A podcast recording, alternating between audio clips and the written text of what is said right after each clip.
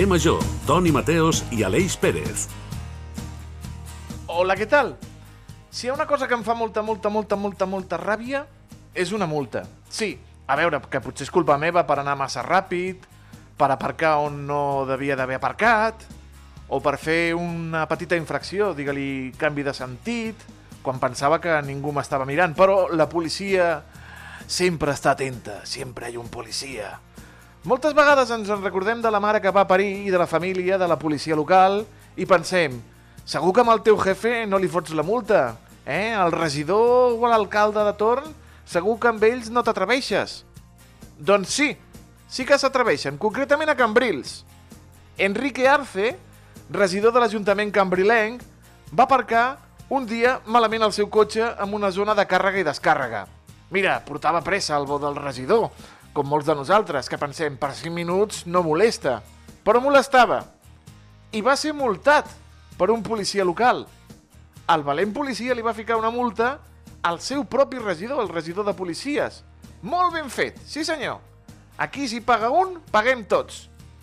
Enrique Arce, al veure la multa, va admetre la seva culpa i no va dubtar en publicar al seu Facebook el que li havia succeït i que també havia pagat l'import de la infracció, uns 40 euros. Transparència sempre. Clar que ell, Enrique Arce, era conegut a xarxes socials com alcalde sensato. I si algun dia vol ser un alcalde sensat, doncs ha de pagar, com tot fill de bon veí. Estic segur que l'Aleix Pérez no l'ha multat mai, que és un bon xiquet i sempre respecta les normes de circulació i no aparca en zona blava i, i sempre posa el tíquet. Oi que sí, Aleix?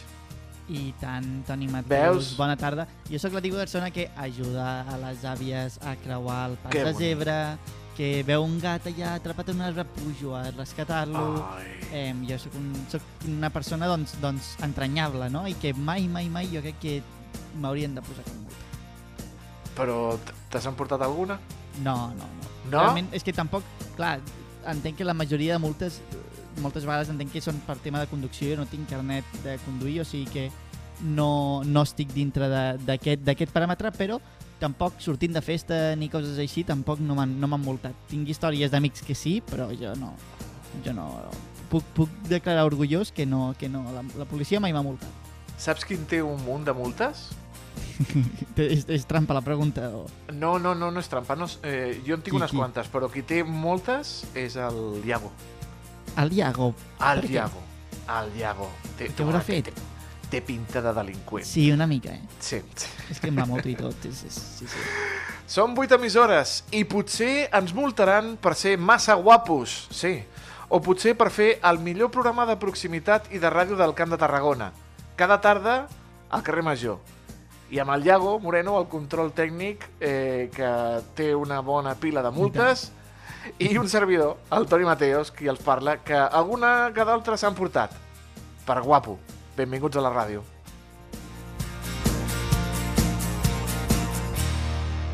Carrer Major, el primer programa del Camp de Tarragona. I saps, estimat Aleix, que està disponible ja? No vull que m'il·luminis, Toni Mateus, que està disponible ja. Doncs un nou capítol del podcast de veïns dels companys de Ràdio Ciutat de Tarragona i del company home. Adrià bé. Ens porta a una protagonista... Bueno, bueno, bueno, bueno, bueno. Què, què, què hem de dir? Què hem de dir de l'Ester Gomis? Mhm. Envoltada de camps d'avellanes, envoltada de maquinària, pagesa, ella... Bueno, bueno, aquest és el tastet, escolta'l. Aquest és un nou capítol del podcast veïnal del Camp de Tarragona. Històries i protagonistes del nostre territori. Camps i Avellanes. Allà hi trobem a la protagonista del nou capítol del podcast de veïns. Hola, sóc l'Ester Gomis, eh, tinc 45 anys, de Vilallonga del Camp i sóc pagesa de l'Avellana. Esther Gomis, dona emprenedora i actualment al capdavant de la DOP Avellana de Reus, ens explica com a la seva infància ja recorda aquest conreu del llegat familiar, tot i tenir altres aspiracions. Jo de petita volia ser moltes coses. Missionera, metge, veterinària, volia fer moltes coses. I bé, eh, de gran ha canviat una mica. Uh, jo de petita vaig créixer entre avellaners, els meus pares són pagesos, tant el pare com la mare sempre s'han dedicat a fer agricultura, a cultivar els avellaners i jo em vaig fer gran entre, entre bancals d'avellaners.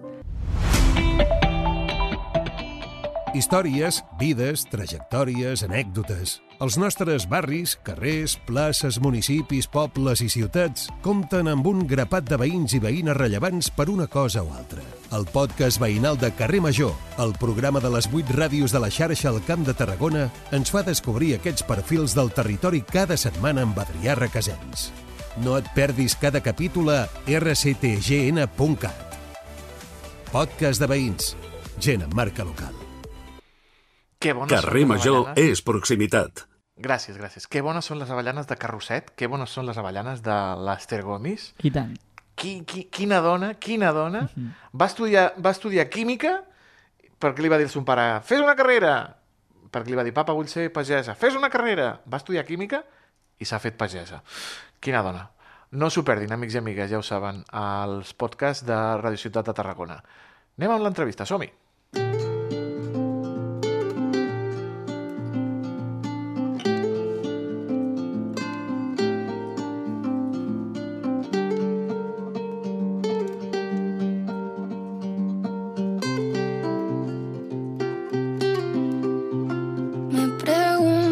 si será ya un capítulo cerrado.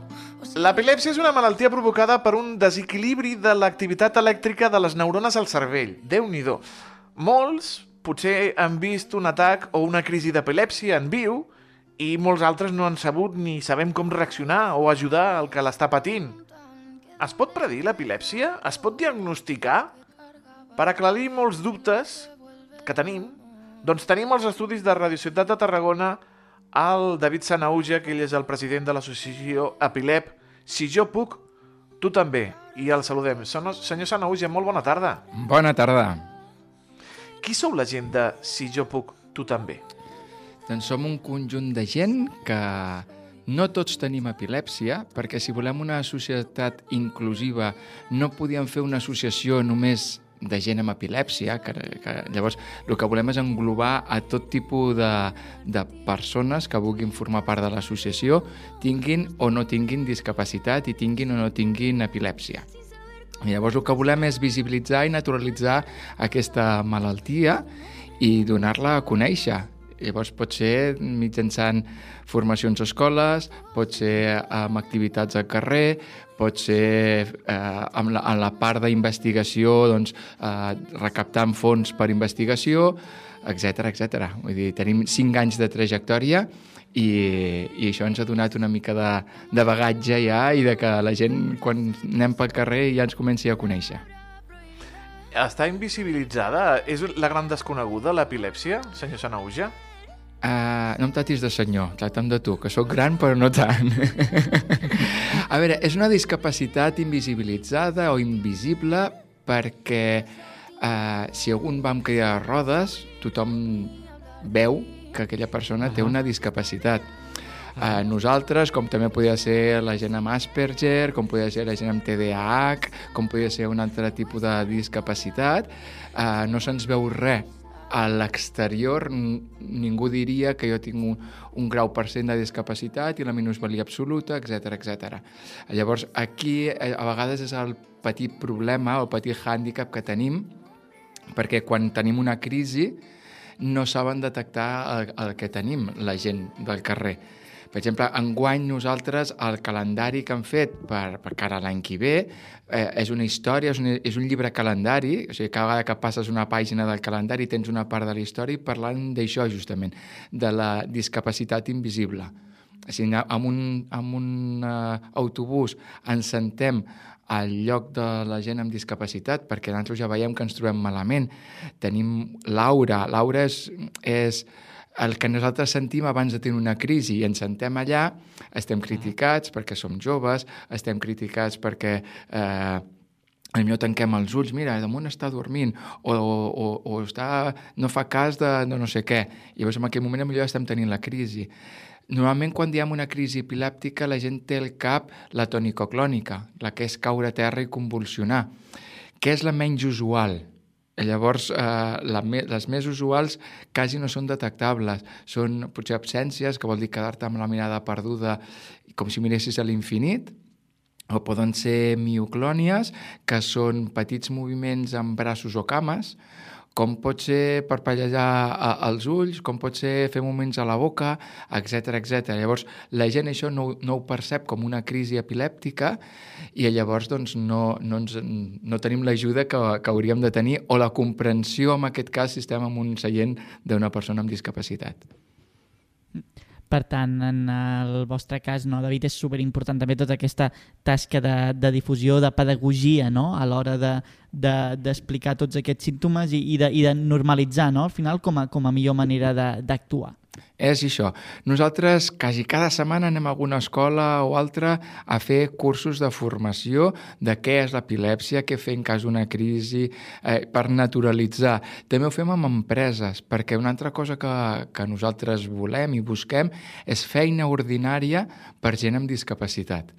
Llavors, eh, tenim diversos convenis que hem signat amb empreses d'aquestes que busquen feina perquè ens sigui molt més fàcil canalitzar, com pot ser DKV, que, que es diu Integralia, com pot ser eh, Tarragona Impulsa, com pot ser ADECO, com pot ser el grup SIFU, etc etc.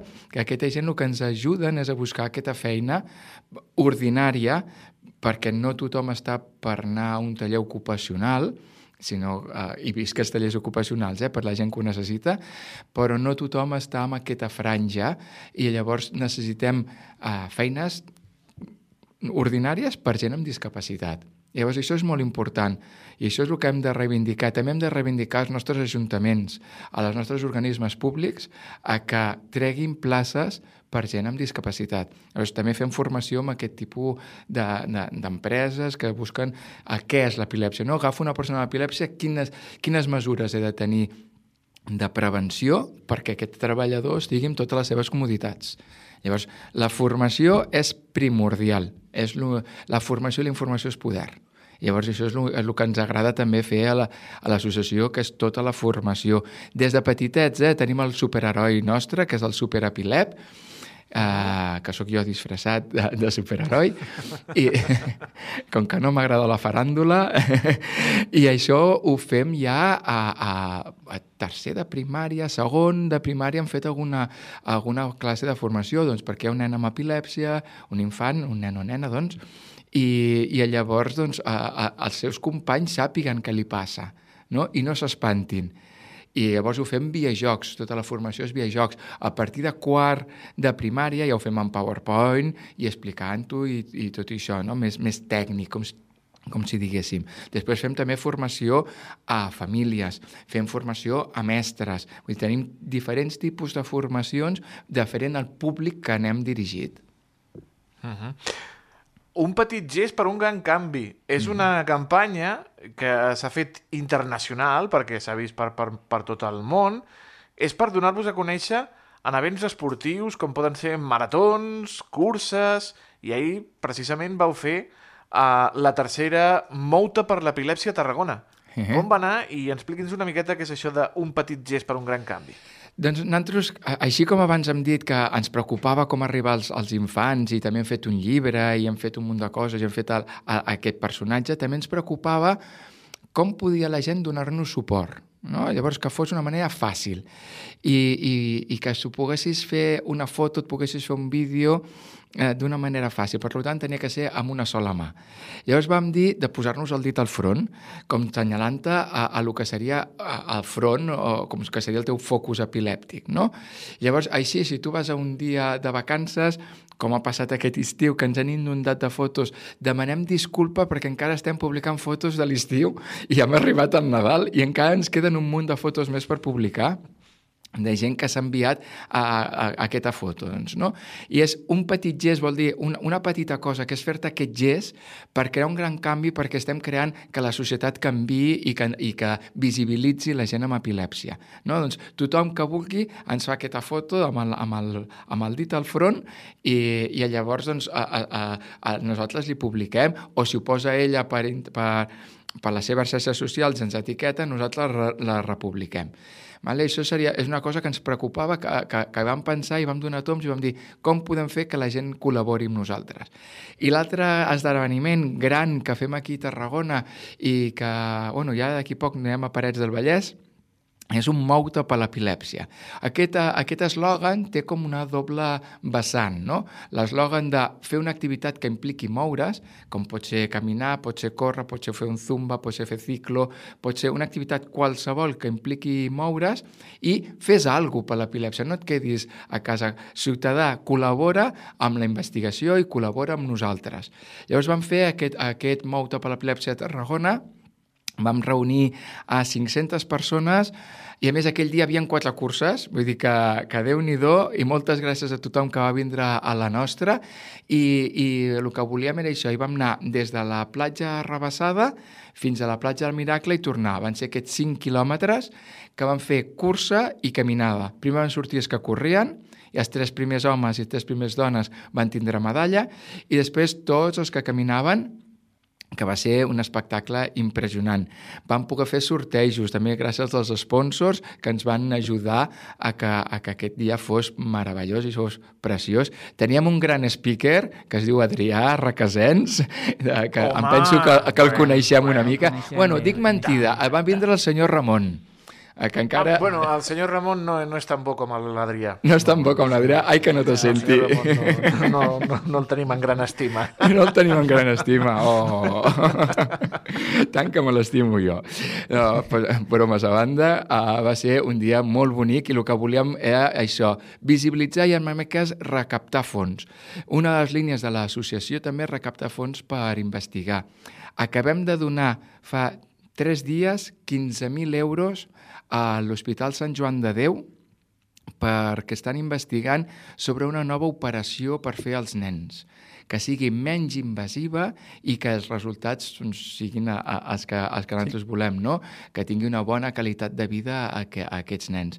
Havien tres nens uh, en projecte per poder fer aquesta operació, però aquesta operació és molt cara, val aquests 15.000 euros cada, cada operació.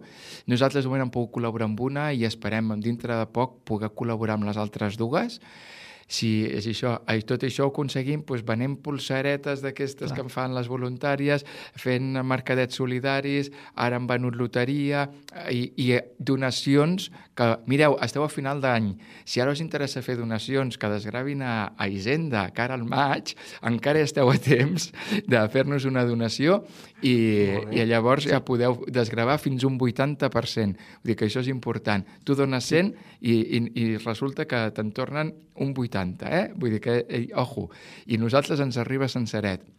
Doncs tot això perquè... és, és important per, per nosaltres i, i per poder doncs, millorar la qualitat de vida d'aquests, en aquest cas nens, però hem fet de memòria, hem fet de, de diversos estudis, de, un que també va ser, eh, són xulos, de que és la gent amb encefalopatia o la gent, eh, amb, ara no sortirà l'altra malaltia, que ja no tinguin epilèpsia. Vale? A vegades l'epilèpsia és la comorbilitat d'altres malalties. I llavors, la gent amb meningitis, veus, ja m'ha vingut. La gent amb meningitis i la gent amb encefalopatia, a vegades els hi quedava resident l'epilèpsia. Pues ara han mirat d'una manera, o s'està estudiant de quina manera poder operar o poder tractar aquesta gent perquè no els hi queda l'epilèpsia resident. Vale? Tot això són diners, diners, diners, diners. L'associació ningú cobra, l'associació sense ànim de lucre i no tenim equip tècnic cobrant i tot el que recaptem és per aquesta investigació. Perquè en un context també on cada vegada no hi ha més exposició a les pantalles, potser més impulsos lumínics, com hi ha una tendència a l'alça de, de, de gent més sensible als atacs epilèptics o, o no té per què? A veure, la gent fotosensible dintre del món de l'epilèpsia és un 2%. Es calcula que és un 2%. Vull dir que és, eh, sí que hi ha gent que és fotosensible i, i que ha de tindre en compte aquestes pantalles.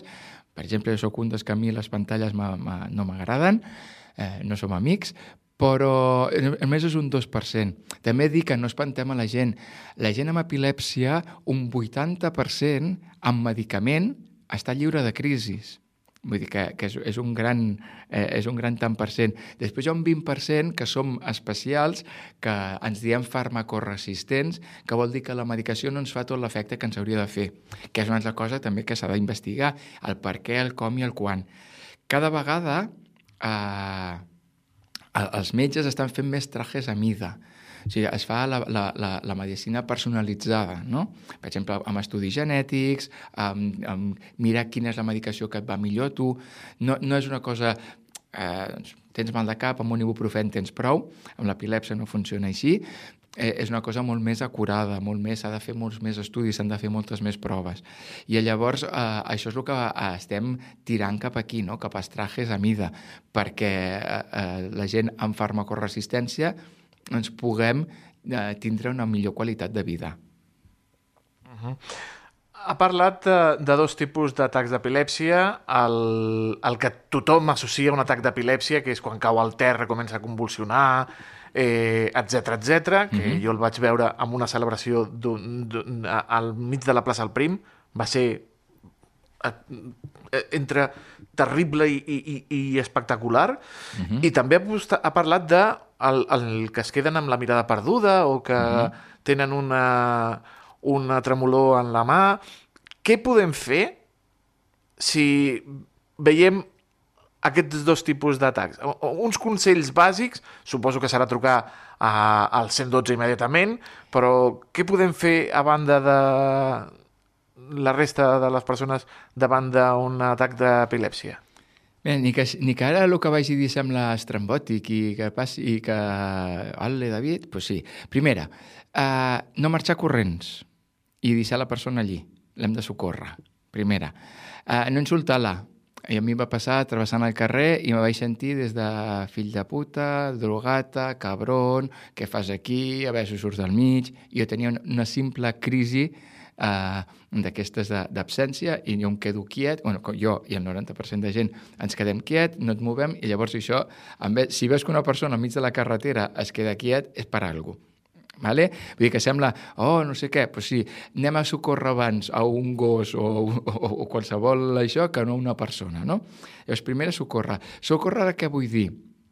Vigilar-la, que no prengui mal i mirar el rellotge. Si, si veiem que no pren mal i, i està, està bé, ni que tingui una desconnexió i no passen més de 3 minuts, per això he dit mirar el rellotge, i els 3 minuts tornen sí, cap problema, no s'ha de fer res més.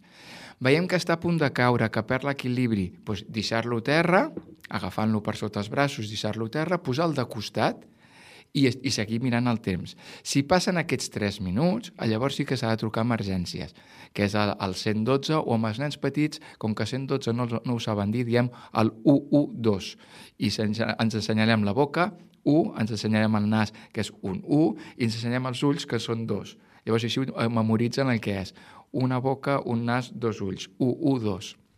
Llavors això seria el que s'hauria de fer. En passar-se la llengua no hi ha ningú al món que se l'hagin passat. Això és una, un, també un fals mite. Això és una cosa que no, no existeix, no, no, no passa. Què pot I passar? de mossegar-se la llengua? Mossegar-se sí, sí, no? això sí, però no ens heu d'obrir la boca ni posar-nos pals ni res de tot Mitjons. això. Res. No, i menys si són bruts. No, això és un altre fals Això mite. fi... El que vaig veure jo li van ficar una bufanda del Barça, al noi a la boca. I si és del Madrid, pobre? No, això, això és una cosa que es deia abans i no s'ha de fer. Vull dir, a, a, la, a la persona, si es mossega la llengua, doncs l'endemà parlarà amb dificultat, com quan, qualsevol persona que s'ha mossegat la llengua a la seva vida. Què passa quan tenim una crisi epilèptica? Tenim la, la, la fase tònica, la fase que estem eh, molt rígids. Llavors, si ens intenteu obrir la boca, una de dos. I hi ha gent que ens posava una cullera o un pal i fèiem palanca. O trenques el pal o la boca, ai, o trenques el pal o el que hagis posat, o em trenques les dents o em disloques la boca. Per tant, m'estàs fent mal amb tot. S'ha vist més d'una vegada gent amb, les dents, amb totes les dents partides i un, i, i, un, tro, i un munt de sang per, per tot arreu. No val la pena. No val la pena. No, no és el que s'ha de fer. Per això he de posar-lo de persona de costat si, si és la tònico-clònica que cau a terra i convulsiona. En la fase tònica no li podrem fer fer res perquè estem molt rígids. Quan estem en la fase atònica, que és la fase que el cos es desploma perquè no té força, perquè la perd el to muscular, llavors si el posem de costat i amb la, amb la, també la, amb la, amb la, amb la pujant-li la barbeta, eh, que es diu el frente mentón, obrir així la, la, la maniobra aquesta frente mentón, eh, ja, ja des, eh, desbloquegem tot el que és la, la, la gola i tot el que seria -huh. la glotis, que és el que podria arribar a passar de, de, de que no entrés prou canal d'aire. Vale? Uh -huh. Però no, no s'ha de fer res més ni obrir la boca, ni posar-nos pals, ni fer palanca, mm. ni dir que no convulsioni, abraceu-lo ben fort o, o, o apreteu-li les mans. No, passa el mateix. Si jo estic en aquell moment en moviments rígids i tu m'agafes el braç, jo el seguiré fent en moviments rígids. Sí, sí, es pot sí, trencar sí, el braç, es pot dislocar l'ombro, etc etc. Per tant, com jo dic, i la gent eh, li fa gràcia, la crisi és meva, deixa-me-la disfrutar. Vull dir, és meva. no me la frenis, deixa'm que gaudeixi d'ella, mira el temps, això sí que és molt important. Mira el temps, si passa més d'aquests 3 minutets, trucar al 112. La ILAE, Exacte. la Lliga Internacional de l'Epilèpsia, diu 5 minuts, però 5 minuts per mi és massa temps. Llavors, 3 minuts. Que venen els sanitaris i aquella persona pues ja ha recuperat, no crec que hi hagi ningú sanitari que es molesti perquè s'hagi trucat a una emergència i, i després aquella persona hagi recuperat. Vull dir que no crec que ningú. I si no, el que podria passar és entrar a un estatus epilèptic. Un estatus epilèptic és que la persona no sap tornar en si. Llavors, què passa? L'única manera de tornar en si és provocar-li un coma, amb tots els perjudicis Va. que té un coma. Vale? Llavors, un, per... tema, un, tema, un tema molt delicat eh, que necessitaríem molt, molt de temps per parlar-hi, però el temps ens ha tirat al damunt. Volem donar les gràcies al David Sanauja, president de l'associació Epilep, Si jo puc, tu també. L'emplacem per un altre dia per continuar I parlant d'aquesta malaltia, com hem dit, invisibilitzada i tan desconeguda. Gràcies, senyora Sanauja, una abraçada molt gran. Moltíssimes gràcies per obrir-nos el micròfon i donar-nos aquests espais. I passa molt ràpid, passa molt ràpid, això. Sí, sí, sí. Hem de fer més llarg. Sí. Que vagi molt bé, gràcies. Gràcies. Sí.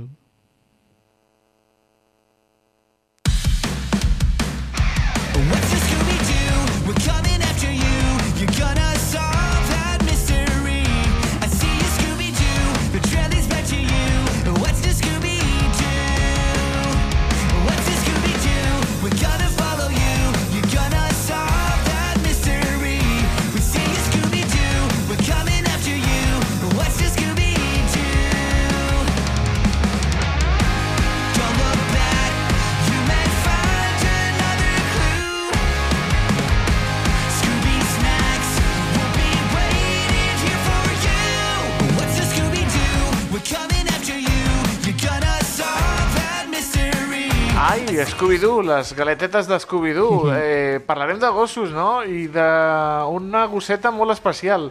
Eh, Aleix, que es tracta de la Greta. Efectivament, és una història molt especial, la de la Greta, perquè és una gossa que va en cadira de rodes. I Com? Sí, ho han Com? sentit bé, va en cadira de rodes. Per Com? saber una mica la història que hi ha al darrere, tenim nosaltres a la Pili, la propietària de la, la propietària de la Greta, i a la qual saludem. Molt bona tarda, Pili. Moltes gràcies per eh, venir aquí, a Carrer Major. Bona tarda. Pues sí, Greta és una gosseta de 12 anys que em porta 8 en cadira de rodes o sigui, va rodant per la vida. Que curiós. Sí. Que curiós això, Pili. Bueno, és, eh, es va quedar paralítica perquè tenia calcificacions a la columna i l'opció que ens donaven era, bueno, es podeu imaginar, o una cadira de rodes. I com que ella era una valenta i tenia força, vam, vaig decidir pues, pues anar amb rodes. I si ella era capaç, pues, jo més. I mira, fins ara.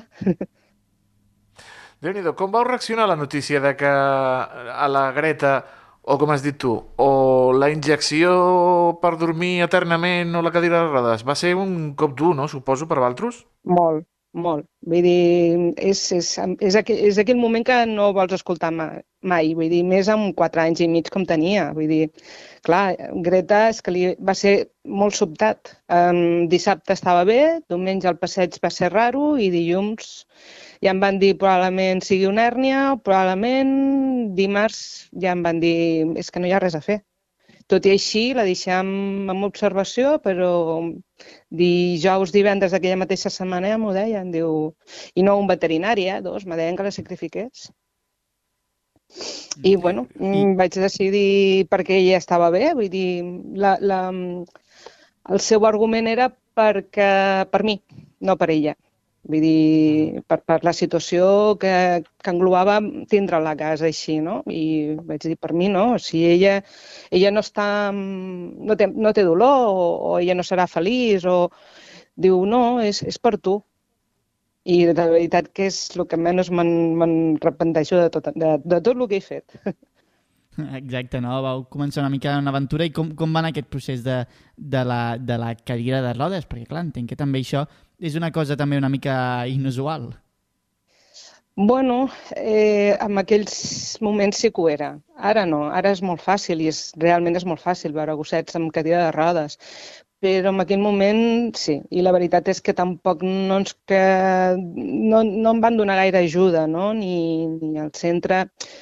És que és el que em deia, que la majoria de, de gossets que es quedaven paralítics mm, pocs tiraven endavant en cadira de rodes. Vull dir, les decisions del, dels amos eren quasi sempre sacrificar-los.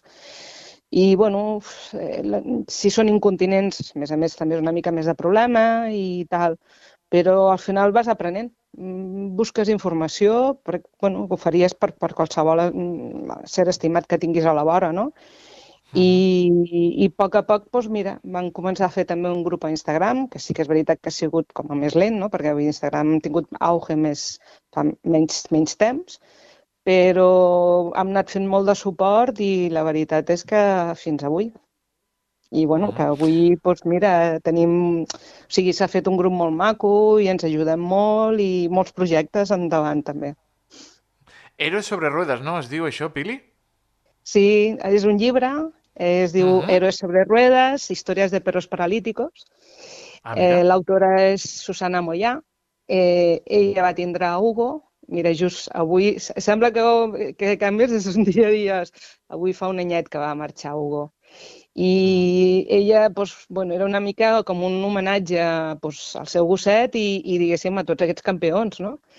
I, i bueno, són 25 relats i una miqueta era explicar cada un tema de, de, de, lo que és el dia a dia amb ells, no? o del, del que s'han viscut amb ells, no? pues, inclús els veterinaris, eh, com va passar, eh, cadiretes, passejos, inclús quan marxes, no?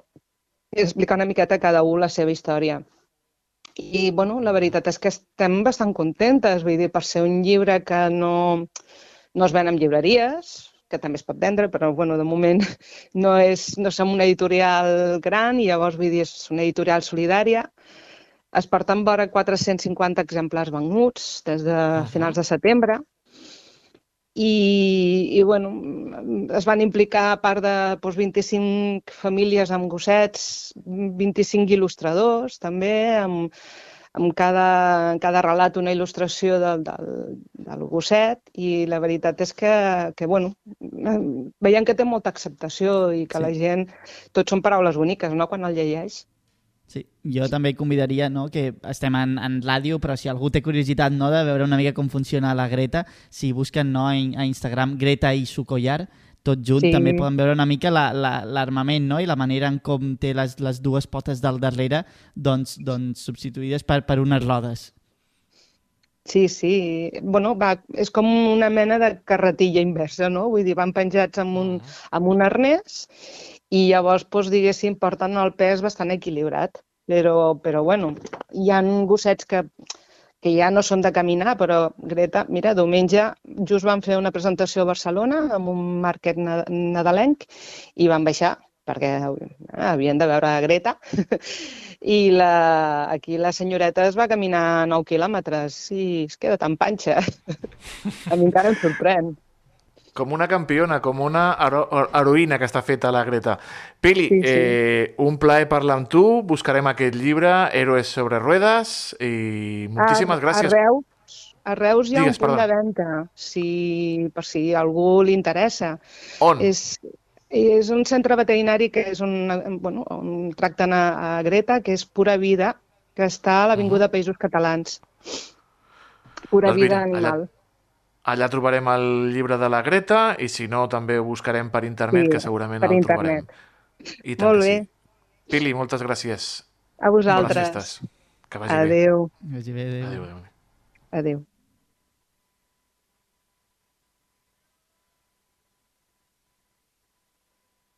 Vaja, no tenim... No tenim el nostre... Mira, ara, ara, ara arriba, ara arriba, amb un dònut a la mà. Ai. Aprofiti.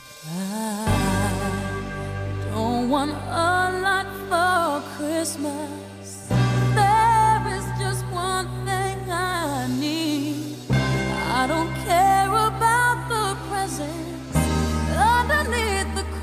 Menjant-se un dònut, eh? És, és un campió. Menjant-me un dònut? No, no, tu no, tu no. Ah, no. val. Si estic jo Diago. gestionant coses de la tele. El Diago, el Diago, que un està menjant-se jo- un dònut. Jo, Mira, jo crec que ha d'aparèixer el, el Iago un dia als tonis. Fer uns tonis Sí, amb el hauria Iago, d'aparèixer que un aparegui dia. Oh, podria intervenir un dia, no? Així un sentim la dia hauria de fer una intervenció així. Sí, algun dia, algun dia, ja per, de cara a l'any vinent. Ja. Ho- ho demanem per Nadal. Mira, no, no, Iago Moreno, Atenció. bona tarda. Molt bona tarda. Bravo! Ara, No. ara, hem escoltat la seva veu. El millor regal de? Nadal, eh? Escoltar la veu del Iago. d'aquestes acusacions? O... Sí, perquè ja agu- aguantar a la, a la Maria Carell ja... Puc fer diferents tons, si voleu. Què, què fas? Sí? Què fas menjant dònut, xiquet? Ah, perquè és l'aniversari de l'Eric i he portat pastetes. Ah, Sí, Eric sí, Rosique, sí. és el seu aniversari. Felicitats, Bueno, Eric Rosique. sí. Bueno, serà, serà el 25. Va néixer Ah, com, vale, vale, com, vale. no, com Jesucrist, però... Però com que no hi serem, doncs ha decidit avui estirar-se avui. També fa 33 com Jesús? No, encara no, encara no. El xaval és més jove. Quan em faci 33 serà... Bueno, seguiu, Doncs perdoneu, no eh?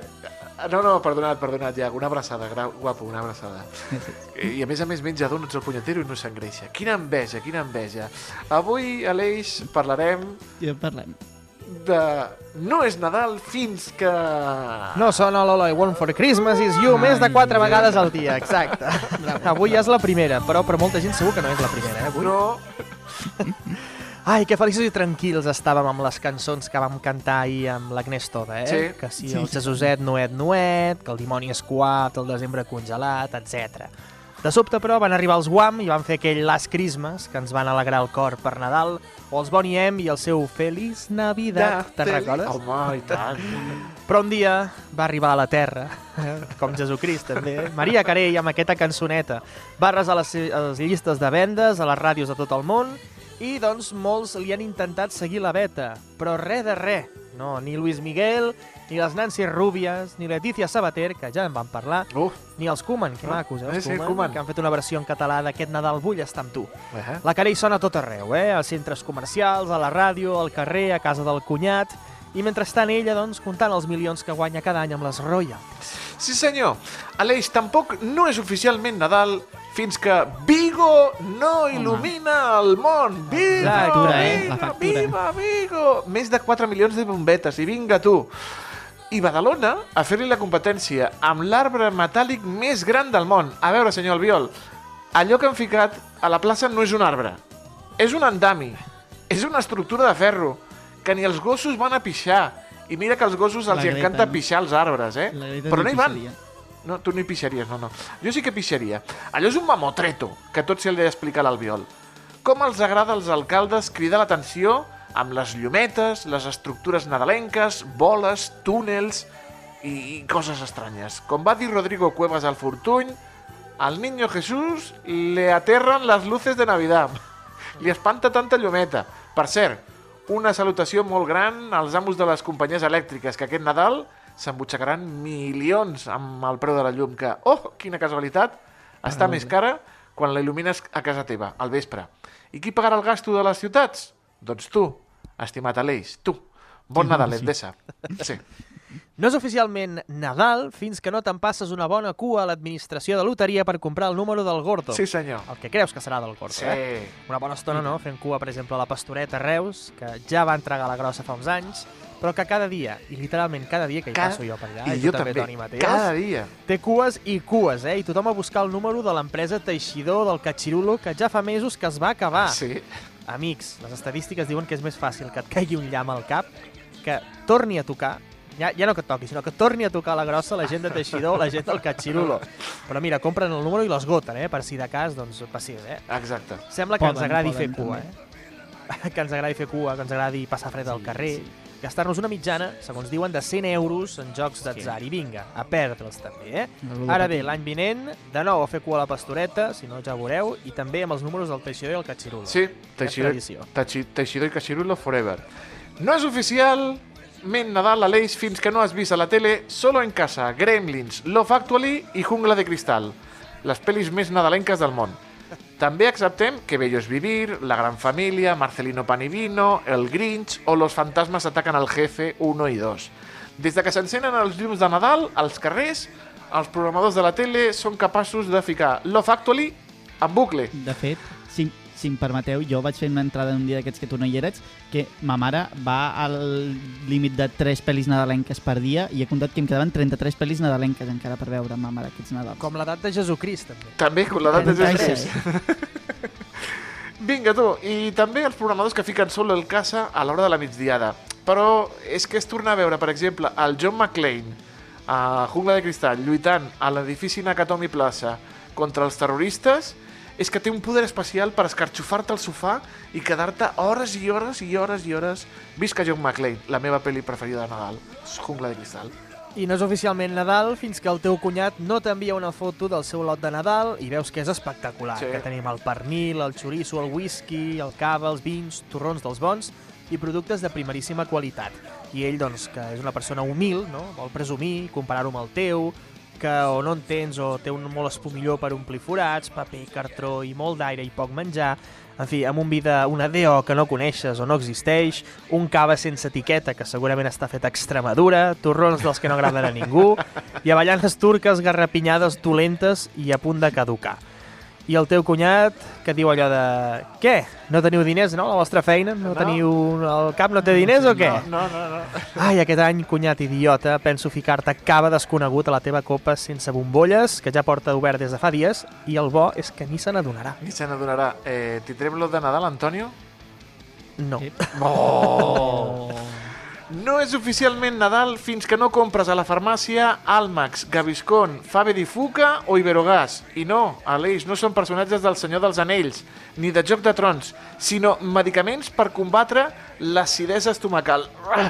Després de menjar aperitiu, marís, pollastre, gall d'indi, canelons, peix, neules, torrons, polvorons, pastís, fruits secs, refrescos, cava, vi, licors, gin tònic, whisky, gelat, cafetó, més licor, més neules, més torrons, més polvorons, una mica de fruita per compensar, és normal que tinguis dos enemics quan passin aquestes festes. I el Un tercer és el Guillemena.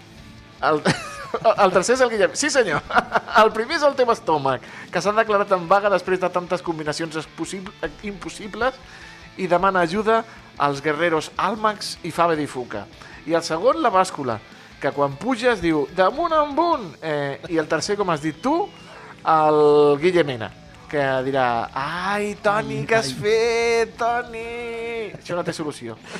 I finalment, no és Nadal oficialment fins que els Tonis fan la seva secció nadalenca, Sí, senyor. musiqueta de Nadal, Sí, senyor. pel·lícules recomanades, Sí, bons consells per sobreviure dignament a aquestes dates, i intenta treure un somriure dels llavis com cada dia que surten a carrer Major. Visca! Des dels Tonis, en Mateos i en Mellado us desitgem molt bon Nadal a tothom, Sí, senyor. menys als cunyats, a les companyies elèctriques i als seus directius, Sí, senyor. Els alcaldes pesats per destacar, Sí. els polítics que busquen confrontació, Sí. a qui puja el preu dels productes d'aquestes dates, com el marisc, la benzina, la carn, la llum, etc, i el veí que mai saluda l'ascensor. Desgraciat. Aquests no, però la resta, en fi, bon Nadal a tothom. Bravo, Antonio! Bravo! Bravo, regular, història. Última secció de l'any, per cert. Última Oh, sessió de l'any, és és veritat. Bueno, aprofitem Antoni. ja per, per agrair-te, no, Antonio Mellado, doncs, tots aquest any de tonis i res, desitjar-te unes bones festes, ja que estem. El, el Toni Mateus l'hauràs d'aguantar una mica més, però a mi ja, ja, ja no. un parell de dies, que s'agafarà també dies de festa el Toni sí, sí, Mateos. sí. I després marxo jo de vacances, eh? Que Tot bé, sigui que dit, que quedi Ah. dit en antena. Una abraçada, Antonio, gràcies. Igualment. Adéu. Adéu, adéu. We wish you a Merry Christmas. We wish you a Merry Christmas and a And a Happy, Happy New Year. Year! Que bonica la secció dels Tonis. Vinga, va! Anem amb més música. A veure què sona. Recuerdo, llegabas en autobús. Hombre! Com m'agrada, eh? Es el Rafa, el Rafa, el Rafa Olmo, el cantante del Greco, que és maco, que és bona persona, que és, que és honest, que és treballador. I el David Fernández, que és maco, que és bona persona, que és honest, que és treballador, que cada dia ens porta la banda sonora. David Fernández, bona tarda. Hola Toni, hola Aleix, molt bona tarda. Avui escoltem una novetat. Es tracta del darrer senzill del cantante del Greco, o el que és el mateix, el cantautor reusenc Rafa Olmo. Ja fa uns quants anys va començar la seva trajectòria musical amb diverses formacions a Reus i després van registrar un disc amb la banda Doble Rombo, amb la qual doncs, van poder tocar per tot l'estat, ja que aquest treball l'editava i distribuïa la multinacional Warner.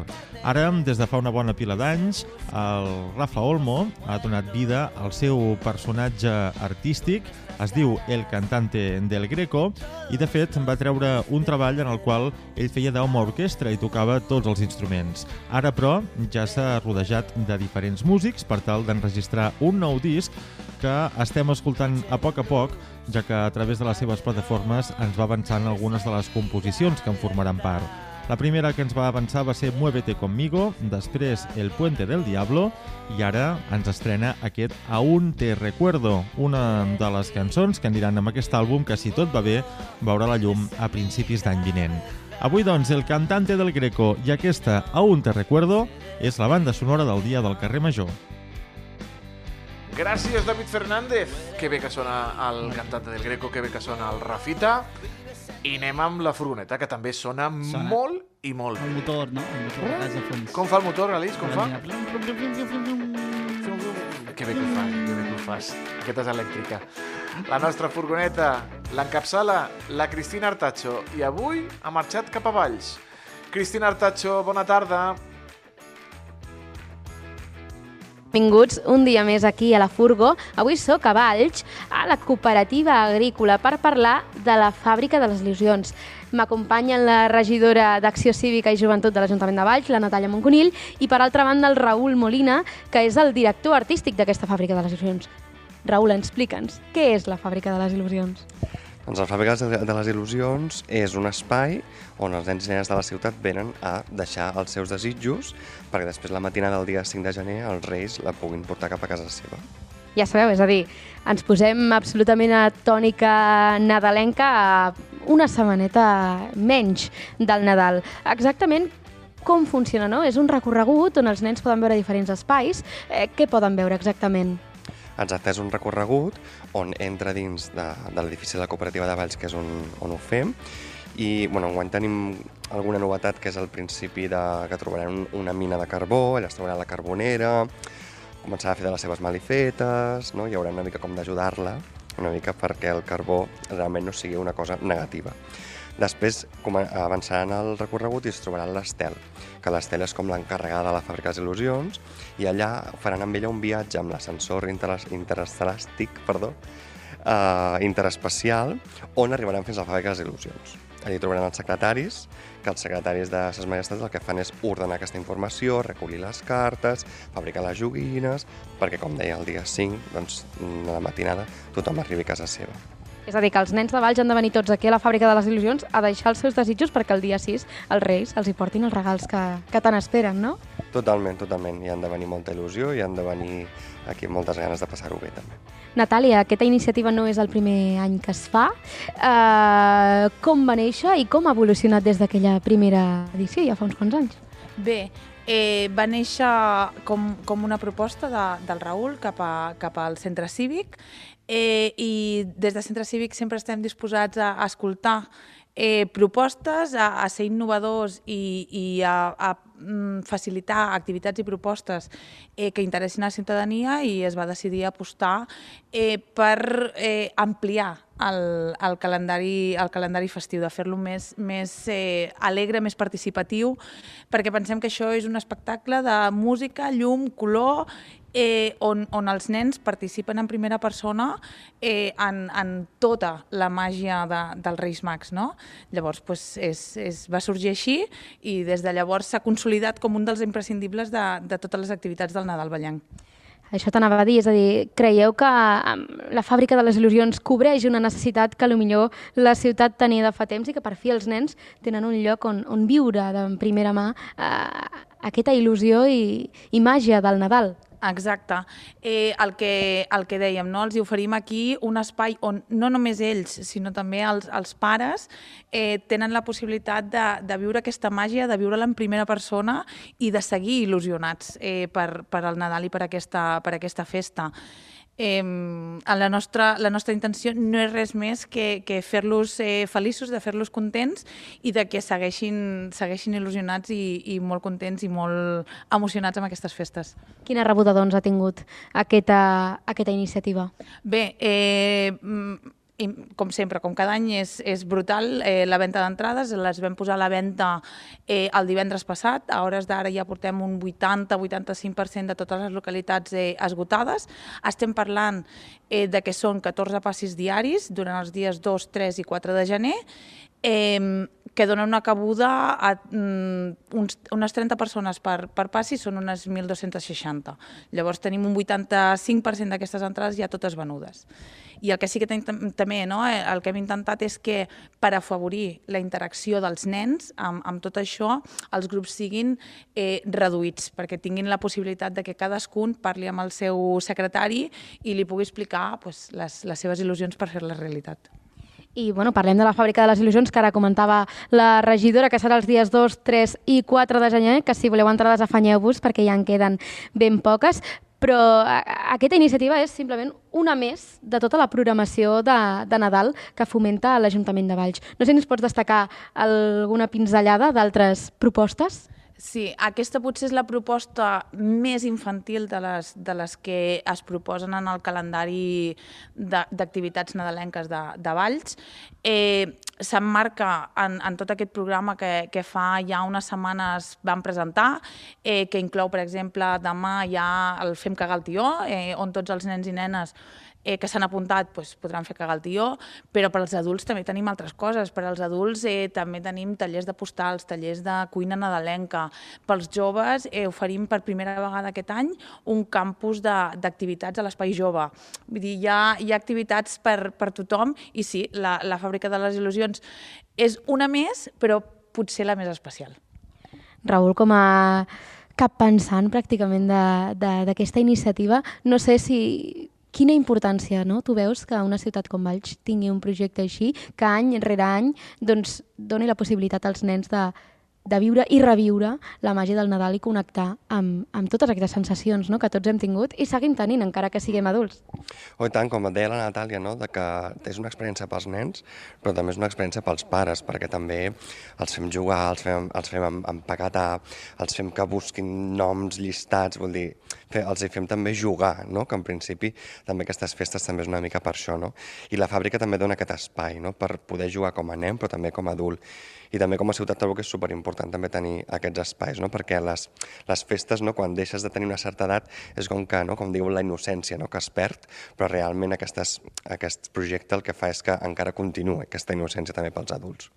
Doncs ja sabeu, dies 2, 3 i 4 de gener, aquí a viure la màgia del Nadal a la fàbrica de les Il·lusions de Valls. Afanyeu-vos que queden poques entrades. I mentrestant ens veiem a la propera furgo. Moltíssimes gràcies a la Natàlia Moncunill, regidora de Joventut i Acció Cívica de Valls, i per altra banda al Raül Molina, director artístic de la fàbrica de les Il·lusions. Ens veiem a la propera. Adeu. Gràcies, Cristina Artacho. Doncs mira, ja ho saps, Aleix, les teves Escolta. il·lusions Sí, sí. per l'any vinent, on les has de portar? A Valls. Haurem de parlar de què hem posat a la carta. Tu, tu has posat Ui. alguna a la carta o no? Haurem de parlar-ne en algun moment. Eh, parlem en privat. Vale. Tornem demà. Gràcies, Aleix. A tu, Toni. Ens veiem demà. Cuida't. Ens veiem demà. Cuidin-se molt. Adeu. Adeu, fins demà.